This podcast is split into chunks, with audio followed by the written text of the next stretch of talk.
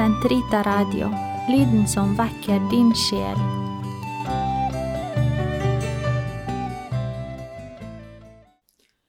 Den katolske kirkes katekisme, uke 16,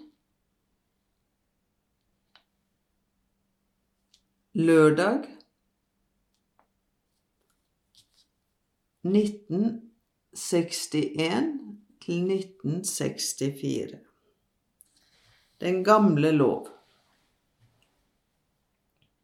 Gud, vår skaper og forløser, valgte seg Israel som sitt folk og åpenbarte det sin lov, og slik forberedte han Kristi komme.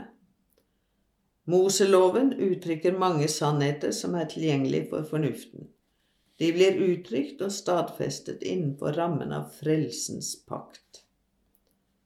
Den gamle lov er første stadium i den åpenbarte lov. Dens moralbud sammenfattes i de ti bud. Budene i dekalogen legger grunnen for menneskets kall, skapt i Guds bilde. De forbyr det som strider mot kjærligheten til Gud og nesten, og påbyr det som er vesentlig for den. Dekalogen er et lys som tilbys hvert menneskes samvittighet for å gi til kjenne for det Guds kall og veier, og for å beskytte det mot det onde. Gud skrev på lovens stentavler det menneskene ikke leste i sitt hjerte. Ifølge den kristne tradisjon er denne hellige, åndelige og gode lov fremdeles ufullkommen. Lik en lærer viser den hva som skal gjøres, men den gir ikke Den hellige ånds kraft og nåde til å gjøre det. På grunn av synden som den ikke er i stand til å fjerne, forblir den en lov som trellbinder.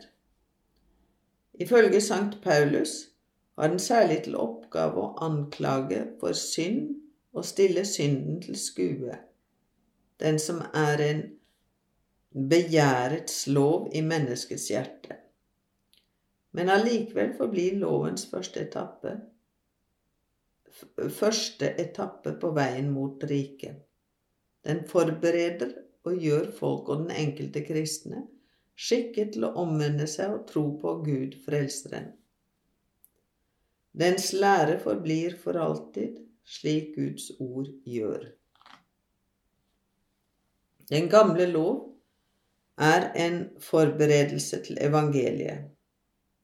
Loven er profeti og pedagogikk i det som skal komme. Den forutsier og bærer bud om det frigjøringsverket fra synd som fullbyrdes med Kristus. Den inneholder bilder, typoi, symboler for Det nye testamentet som betegner livet etter Ånden. Loven utfylles til sist av den undervisning som finnes i visdomsbøkene og hos profetene og som gjør at den peker hen mot den nye pakt og himlenes rike. Det fantes under den gamle pakt mennesker som eide Den hellige ånds kjærlighet og nåde, og som fremfor alt lengtet etter de åndelige og evige løfter. Og i dette hørte de inn under den nye lov. På den annen side finnes det under den nye pakt kjødelige mennesker som fremdeles er langt unna den den nye lovs fullkommenhet. For å drive dem til dydsgjerninger er det, selv under den nye pakt, nødvendig med frykt for straff og visse timelige løfter.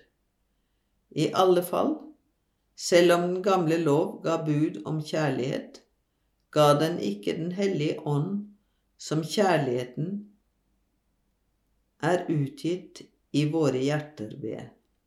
Romerne 5, 5.